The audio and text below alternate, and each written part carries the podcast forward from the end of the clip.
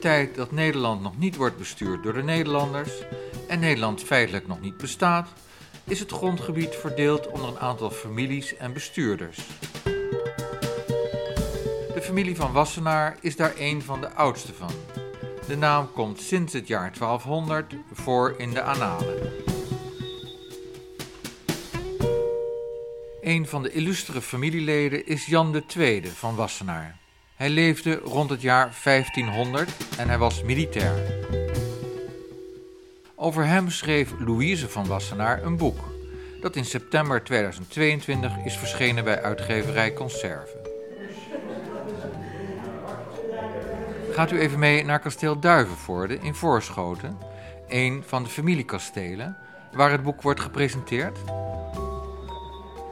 Geachte, beste, lieve aanwezige fans, familieleden van mijn moeder en overige nauw betrokkenen en geïnteresseerde en lieve mama. U hoort de stem van Arend van Wassenaar, een van de twee zonen van de schrijfster. En verder ben ik de trotse zoon van mijn moeder, Louise van Wassenaar Wiarda, de schrijfster van het boek dat hier al ligt, maar dat straks dan voor de tweede keer, voor de eerste keer zal worden aangeboden. Het boek Tragiek en Heldendom, het leven van Jan II van Wassenaar, burggraaf van Leiden, de aanleiding voor deze happeningen. Het is inderdaad de tweede presentatie. De eerste vond een week eerder plaats op kasteel Twikkel in Twente, een ander familiekasteel, waar de andere zoon, Diederik, verantwoordelijkheid voor draagt. Zoon Arend doet dat bij kasteel Duivenvoorde. Beide broers zijn voorzitter van het stichtingsbestuur.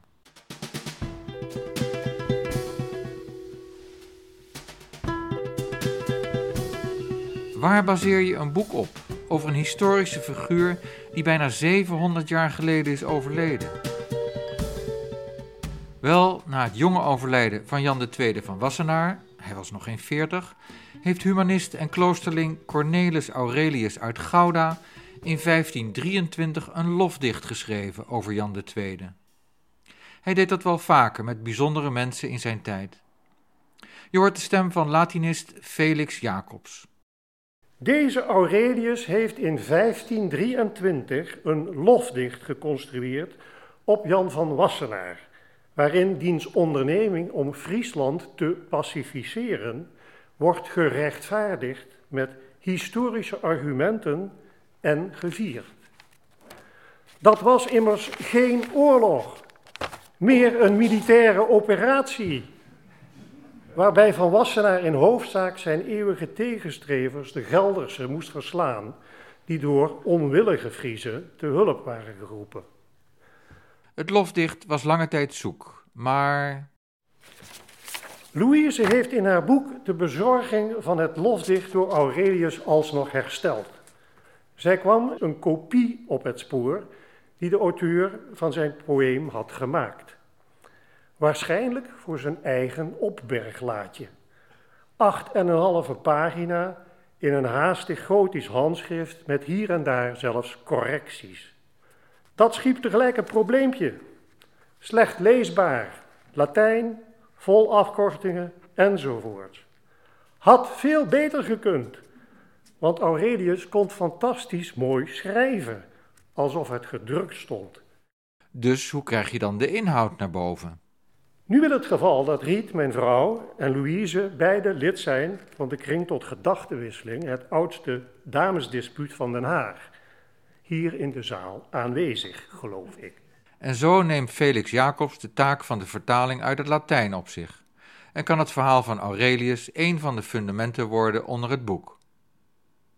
Maar daar moet je je ook weer geen overdreven voorstelling van maken. Het blijkt namelijk lastig de inhoud op waarde te schatten. Louise neemt dadelijk in haar schets van de levensloop van Jan van Wassenaar de weinige feiten mee die in het poëem de revue passeren. Ik beperk me verder tot de persoon Aurelius, zodat u beter kunt oordelen over diens volop aanwezige ficties. Louise had het boek over Jan II oorspronkelijk zullen schrijven met haar man Otto, maar die is in 1996 overleden. Maar Otto heeft haar wel op het goede spoor gezet, naar meer bronnen. U hoort Louise van Wassenaar.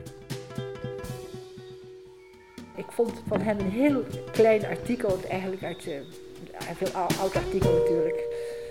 En dat was eigenlijk een waardeloos artikel waar ik niks aan had. Maar ook bij dat ene, tussen dat artikel zat een zo'n klein snippertje.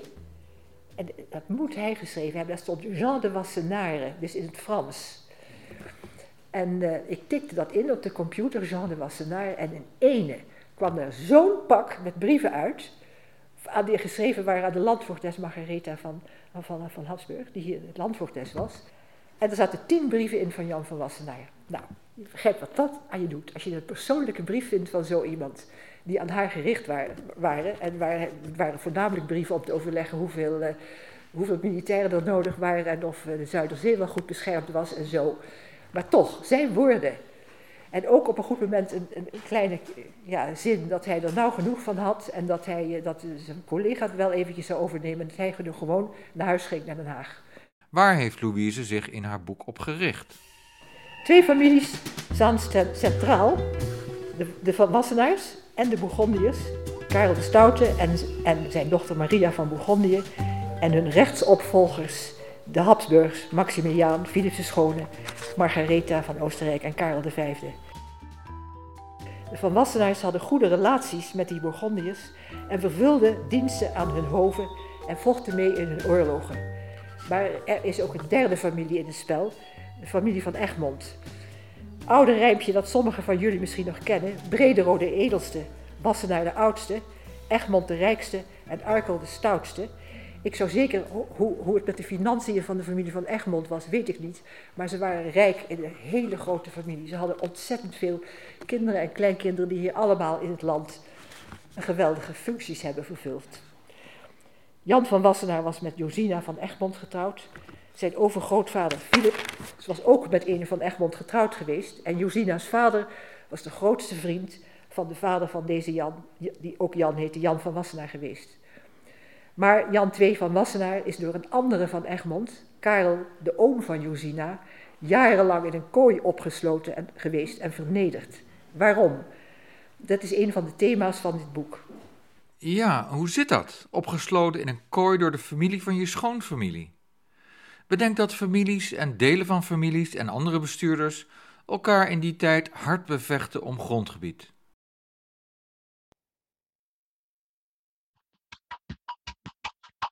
Tegen het einde van 1512, in de dagen voor kerstmis, trok Karel van Egmond onverwacht met zijn troepen naar Amsterdam. Hij heeft daar, volgens de overlevering, vreselijk huis gehouden. Vele gevangenen gemaakt, burgers mishandeld en ook 22 schepen die in de Waalhaven lagen, in de lucht doen springen, zoals er in de tekst staat. Jan II is toen met zijn legers naar Amsterdam gegaan om Karel uit die stad te verdrijven en hem aan te vallen. Karels troepen vluchtten toen richting Utrecht, waaruit ze vervolgens ook weer door Jan II werden verdreven. Jan heeft daarna met een paar van zijn eigen officieren onderdak gevonden in het juffrouwenklooster Dalen in de Beeld. Er waren maar een paar mannen bij hem. De mannen van Karel van Egmond kregen lucht daarvan en hebben Jan II van Wassenaar daar op de dag voor kerstmis gevangen kunnen nemen. Jan was natuurlijk een geweldige prooi voor Karel van Gelre. Hoe kon hij van deze buitenkans gebruik maken? Allereerst door het eisen van een exorbitante losprijs. In ieder geval bedacht Karel een hele originele straf voor Jan. Hij liet een grote houten kooi maken. Daarin kon een tafel, een stoel en een bed staan. Hij stopte Jan in die kooi en liet die kooi ophangen in een gewelf van het kasteel van Hattem. En iedereen die er langskwam kon Jan daarin zien zitten. Zien zitten, eten, slapen en zijn behoeften doen. Hij werd er vernederd, beschimpt en verwond, twee jaar lang. Karel van Egmond eiste een enorme losprijs, die Maximiaan natuurlijk niet wenste te betalen. Misschien kon hij ook niet. Maar had Jans moeder of zijn schoonfamilie van Egmond niet bij kunnen springen?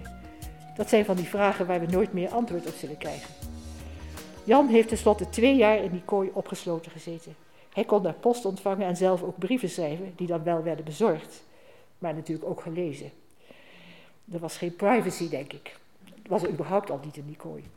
De enorme losprijs, 3 miljoen euro in hedendaags geld, die Karel van Gelder vroeg, is na twee jaar met hulp van de stad Amsterdam, waarschijnlijk ook uit dankbaarheid voor het feit dat Jan Karel daaruit had verjaagd, bij elkaar gebracht.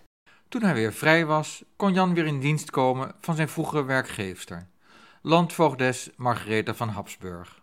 Dan wou ik het hier eigenlijk bij laten. Is dat een goed idee? Of... Ja? Nu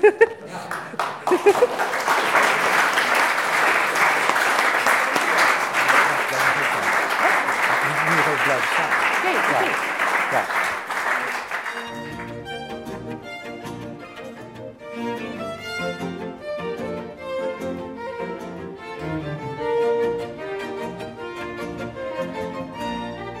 Na afloop van de boekaanbieding spreek ik Louise en haar twee zoons op het bordes van kasteel Duivenvoorde. Mijn naam is Arend van Wassenaar, voorzitter van de Stichting Duivenvoorde en ik ben verder oudste zoon van mijn moeder. Ik ben Louise van Wassenaar, dus de moeder van deze twee eh trotse jongens. En ik ben Diederik, de tweede zoon van eh, mijn moeder. Mevrouw van Wassenaar, u bent een verre nazaat over wie u een boek heeft geschreven. Wie is dat precies? Nee, het is niet van, van ons de nazaat. Mijn man en, en mijn kinderen stammen af van die van Duivenvoordes. Die van hier zijn. Maar wat heeft u ertoe gebracht om het boek te schrijven? Dat was een verzoek van mijn zoon hier, of ik dat boek wou schrijven. En ik, dat wou ik, en ik wist dat mijn man dat eigenlijk ook graag had willen doen. Dat hij dat ook wel van plan was geweest, maar hij is toen hij met pensioen ging gestorven. En toen eh, kon hij het niet meer doen. Dan vraag ik even aan uw zoon waarom hij dat heeft gevraagd aan zijn moeder. Nou, twee redenen. Omdat ik wist dat mijn vader dat met mijn moeder had willen doen een keer. Maar dat was ook wel weer deels vergeten. Maar ook omdat ik dacht, eh, er moet eens een keer iemand een, een boek over die man schrijven. Omdat het toch wel een iconisch figuur is. En ik dacht dat het wel goed dat mijn moeder wat te doen heeft, wat nuttigs. Dus eh, dat, daarom heb ik dat gedaan. Want ze had twee jongens opgevoed en u dacht Ja, daarna moet ze ook... drie- Nog een jongen en een meisje. En nog een meisje. Ja. Oké. En dan hadden we wel kleinkinderen, maar mijn vader was overleden. En ik dacht, eh, die, die moet, om een beetje toekomstvast te blijven, Ja. moet je bezig blijven. Dus, eh, en ze, had dat, ze kon dat heel goed. Maar u bent inmiddels eh 89. Ja. Dus dat was een klus voor u? Of? Het was natuurlijk af en toe een klus, maar het, het ging toch ook wel. Het ging wel. Maar Ik merk, merk- ik merk wel dat ik toch een beetje nu mijn geheugen vooral een beetje achteruit gaat. Dan word je echt dat je ouder wordt. Maar ik heb een heleboel, ja, ontzettend veel geschreven natuurlijk. En die Kees de Bakker, die, die, die heeft natuurlijk enorm geholpen. En De heeft- uitgever. de uitgever, die heeft alles in, in dus modern Nederlands omgezet. Ja, want u schreef Oud-Nederlands? Ik schreef, ik, ja, ik schreef, ja, voltooid, vol- voltooid verleden en de hele tijd. Dat doe ik gewoon nog steeds. En, eh, en hij, heeft dat, hij heeft alles. Dus kan je nagaan wat een klus voor die uitgever. Heeft hij ook met plezier gedaan volgens mij. Nou is het een man, eh, Jan II van Wassenaar, die leefde in de 15e en de 16e eeuw. Ik denk dat je dan goed zoeken moet naar bronnen. Nou, er zijn eh, overlijdens, er zijn testamenten, er zijn huwelijkse voorwaarden, er zijn aankopen van eh, de dingen. En er is een fantastisch archief van de familie. En dat ligt dus in, in Twickel.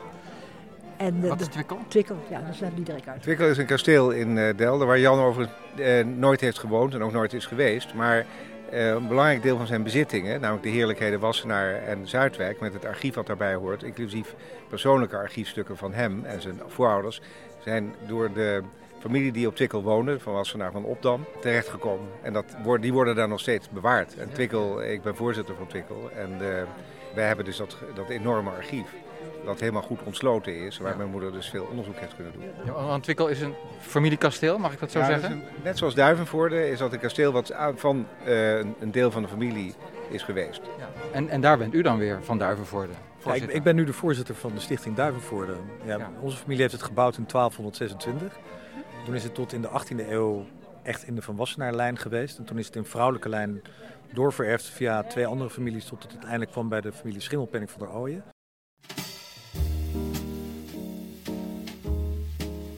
Terug naar de archieven, mevrouw. Eh, wat voor man reist op uit al die documenten? Ja, en, eh, en, eh, nou ja, wat, wat mijn zoon hier zegt, de tragiek ook. De tragiek van dat leven van die man. En die daar zo gevangen heeft gezeten. Maar ook de heldendom. Een held. Wat, wat, voor, wat, wat, was zijn beroep? Hij was, eh, hij- zijn beroep was dat hij bij die familie hoorde. Maar dat hij om, heel snel al werd ingeschakeld als, eh, als, als, als soldaat of officier. In de legers die er toen waren van Maximiliaan. Dus van Habsburg en later van de landvoogdes. Ja, het was wel, denk ik vanzelfsprekend. Want zijn vader, die mensen waren allemaal, die gingen met die met die eh, keizer of met die eh, hertogen mee en keizers later ja, ten strijd. Want er was alsmaar oorlog in die dagen. En u kwam ook achter het bestaan van tien brieven, hè? Dat was zo fantastisch. Ja. En, en, en uh, die brieven, waren die een beetje persoonlijk? Of? Er waren heel veel persoonlijke, alle, eigenlijk allemaal hele persoonlijke brieven. Ook tussen Margarethe en, en Maximiliaan, die schreef daar ook in. En met de Franse koning, het was echt, ik wist niet wat me overkwam. En tien brieven dus van hem. Maar heeft u een idee kunnen krijgen van het karakter van de man? Um, nou, ja, voor zover je weet wat hij heeft gedaan, is toch ook wel dat hij voelde toch wie hij was, denk ik. Bozig ook van die, uh, denk ik, van die, uh, toen hij die kaakwond heeft gekregen daar. Dat was bij de herovering van Padua, een stad niet ver van Venetië, in opdracht van Maximiliaan van Habsburg. De jongere mannen die klommen dan tegen de muren van, van die stad op. En dat heeft hij dus ook gedaan. En is naar beneden gevallen. Ik en dacht dat, dat hij ook een kogel Nee, hij, dat, of de kogel is het waarschijnlijk niet, maar het was gewoon een geweldige scheur, hè? Of denken jullie? Ja, dus ik begreep dat het een kogelwond was, eerlijk gezegd. Nou, nou, het was in ieder geval, dit was helemaal open. In zijn wang? Ja, hier is een kaak. Ja, is een kaak. Ja. En daar heeft hij ook zijn bijnaam van. Ja. Die luidt? Jan met de kaak.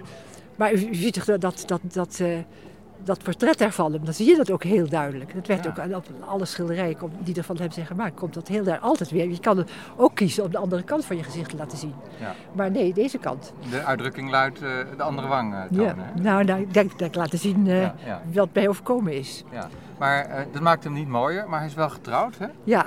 Met wie? Met een Josina van Egmond, de dochter van, van de beste vriend van zijn vader van Egmond. Die... En hij heeft twee kinderen gekregen? Twee dochters, ja. Toen had hij al die wond. Ja, ja, ja. ja. Dus die wond heeft hij er niet van weerhouden met hem in het huwelijk. Misschien maakt het hem woest aantrekkelijk. Ja, je weet maar nooit. Ja. Maar wat mij zo opvalt, en dat staat ook in de beschrijving van de uitnodiging. Hij is getrouwd met een dochter van, van Egmond. Ja. Maar er was ook een andere van Egmond waar hij strijd tegen voerde. Ja, dat was die Karel van Egmond, neef. Dat was een neef van, van zijn schoonvader? van zijn schoonvader, ja. Dat is toch een beetje raar, hè? Nou ja, het is verschrikkelijk, het hele verhaal, vind ik. Dat verhaal dat zich afspeelde in het plaatsje Hattem, hebben we gehoord. En dat verhaal krijgt een staartje. U hoort eerst het zure nieuws, dan het zoete.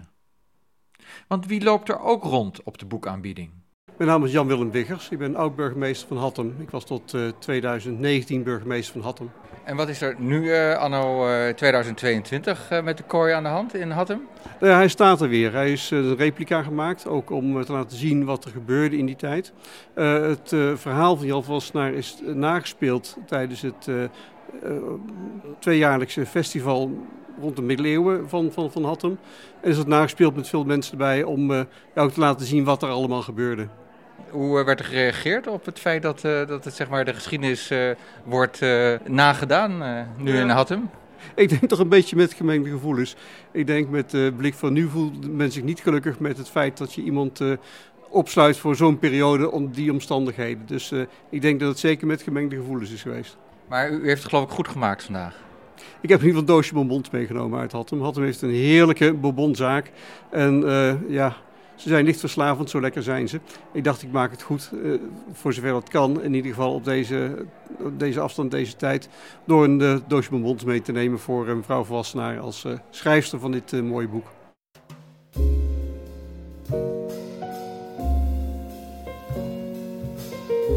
Louise van Wassenaar moet veel boeken signeren voor de circa 80 aanwezigen. Ik spreek twee dames met een boek onder hun arm. Waarom hebben ze het boek aangeschaft? Deze crashcourse over de Nederlandse geschiedenis van een bepaalde periode, die wil ik niet missen. Er zijn een heleboel gaten die, we daar, die ik daar in mijn, in mijn hoofd moet, uh, moet vullen.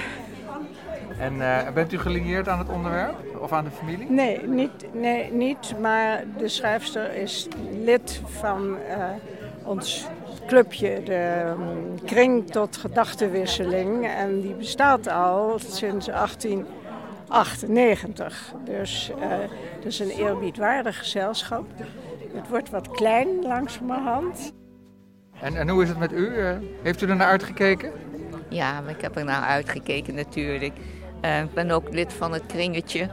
En Louise was mijn buurvrouw. Dus, uh, Denkt u dat het wordt bediscussieerd zometeen in, het, in de kring? We moeten het eerst nog lezen natuurlijk. Hè? En dit is een hele pil. En eer we het allemaal gelezen hebben, en verwerkt hebben. Dat is het natuurlijk. Hè. Je kunt het wel lezen, maar dan moet het ook nog verwerkt worden. En dan loopt daar nog een meneer. Ik ben uh, Ronald Buma en we hebben hier, een aantal jaren hier in deze vleugel mogen wonen. Dus in die tijd hebben we heel veel te maken gehad met Louise van Wassenaar. En Louise van Wassenaar is een zeer begenadigd iemand in alle opzichten, op alle terreinen. En dat hebben we vandaag dus ook weer kunnen zien met de uitgeefster van dit boek. Ja. Bent u gelieerd aan de familie dan, dat u hier woont? Mijn vrouw. Mijn vrouw is, uh, is Schimmelpenning van de Ooyen en dat was de laatste familie die hier woonde. Oké, en dat is Schimmelpenning met een H aan het eind? Nee, Schimmelpenning met CK. Dat is het onderscheid. CK, Schimmelpenning ja. CK, ja. ja, ja. ja. Het, de volledige naam is Schimmelpenning van der Ooyen. Ja, ja. Dat lijkt me wel heerlijk om hier te Ja, wonen. we hebben hier, hier fantastische jaren gehad. En het is ook weer heerlijk om weer even terug te zijn. Ja. En die kamer die, die u daar ziet, dat was onze zitkamer. Nou, ik teken ervoor. nou. Ten slotte kom ik een van de medewerkers van het kasteel tegen. Uh, ik ben Simone Nieuwenbroek, ik ben uh, conservator van Duivenvoorde. En ik zie hier ontzettend veel portretten hangen, maar wie staan erop? Ja, de familie. Het, is, uh, het kasteel is overgedragen in 1960 uh, vanuit familiebezit aan uh, de Stichting Duivenvoorde. En met het kasteel ook een enorme collectie, waaronder ongeveer 200 familieportretten. En wat ik denk dat mooi is aan die collectie familieportretten is dat ze zich laten lezen als een, als een familiealbum. Dus echt van... Van, van welke familie? eerst de familie van Wassenaar. Uh, toen uh, vererfde het kasteel via vrouwelijke lijm de familie Steengracht. Uh, en later nog op de familie Schimmelpenning van der Ooyen. Maar het is wel altijd één familie geweest, 800 jaar lang. En jij weet van elk schilderij wie erop staat en hoe die in de familielijn zit? Nou, bijna. Bijna allemaal. Zou wel moeten, hè? En we gaan nu naar een heel bijzonder portret ja, kijken. Ja, absoluut, absoluut. Het portret van Jan II van Wassenaar, Jan met de kaak. Oké, okay, nou, ja. dan lopen we de trap op. Gaan we die kant op. Dat portret van Jan II is de cover van het boek. Uh, kun je beschrijven wat je ziet?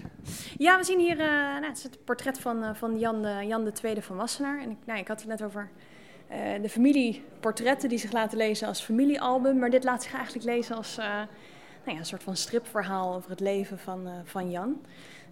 we, zien, we zien Jan gekleed in nou ja, zoals een echte vechtersbaas betaamt. Harnas en, en wapentuig.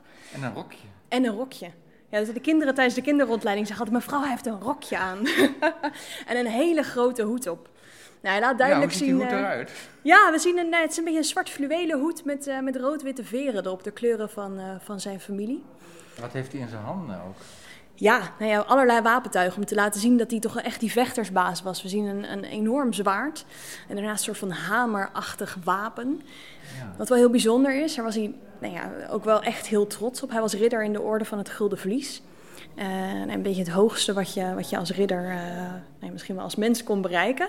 En die orde zien we aan, zijn, aan de ene kant aan zijn wapenschild hangen rechtsboven. Maar ook op zijn borst, dat is dat uh, goudkleurige hangende schaap. En daarnaast, in 1509 raakte hij uh, gewond bij een slag bij Padua. Uh, en die slag die zien we ook verbeeld aan de hand van een kogel net naast zijn gezicht. Hij raakte daar ernstig gewond aan zijn kaak. Uh, werd vanaf dat moment ook Jan met de kaak genoemd. Nou had Jan Jan niet geweest als hij gewoon door was blijven vechten. En in een tweede kogel verraadt een tweede slag waar hij gewond raakte. bij Sloten in Friesland in 1523 raakte hij gewond aan zijn arm. Uh, even later kreeg hij wondkoorts en uh, daaraan is hij uh, helaas overleden. Dus hij is hoe oud geworden? 39, als ik het, als ik het goed heb. Heel jong eigenlijk en dan zo'n enorm rijk leven, dat is toch bijzonder. Hoe bedoel je rijk leven? Hij heeft vooral gevochten. Vooral gevochten, ja. Ik denk dat hij heel veel avonturen heeft beleefd en, en, en, en inderdaad veel gevochten heeft. Uh, toch een aantal kindertjes nagelaten. Uh, uh, en ik denk nou, voor zichzelf wel een echte bijzondere militaire carrière heeft opgebouwd. Maar ja, hij is niet voor niks, denk ik, nog steeds ook de, de held van de familie. En toch een klein beetje ook de held van Duivenvoorde. Dat ja. kan niet anders.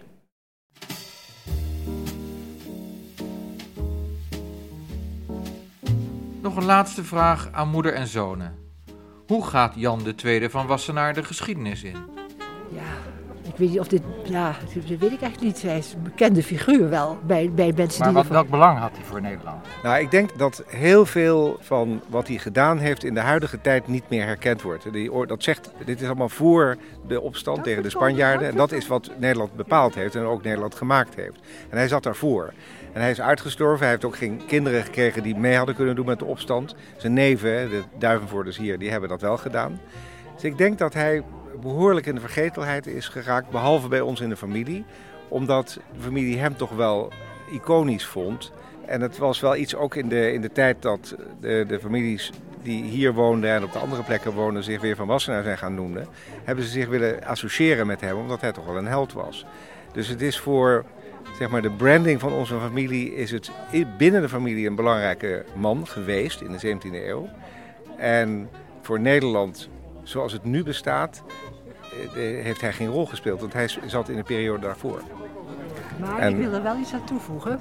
Want zijn kleinzoon, dat was de beroemde Lumey van der Mark. Dat is echt waar. Vreselijke man, daar gaat het niet om. Een vreselijke man, maar het was zijn eigen kleinzoon.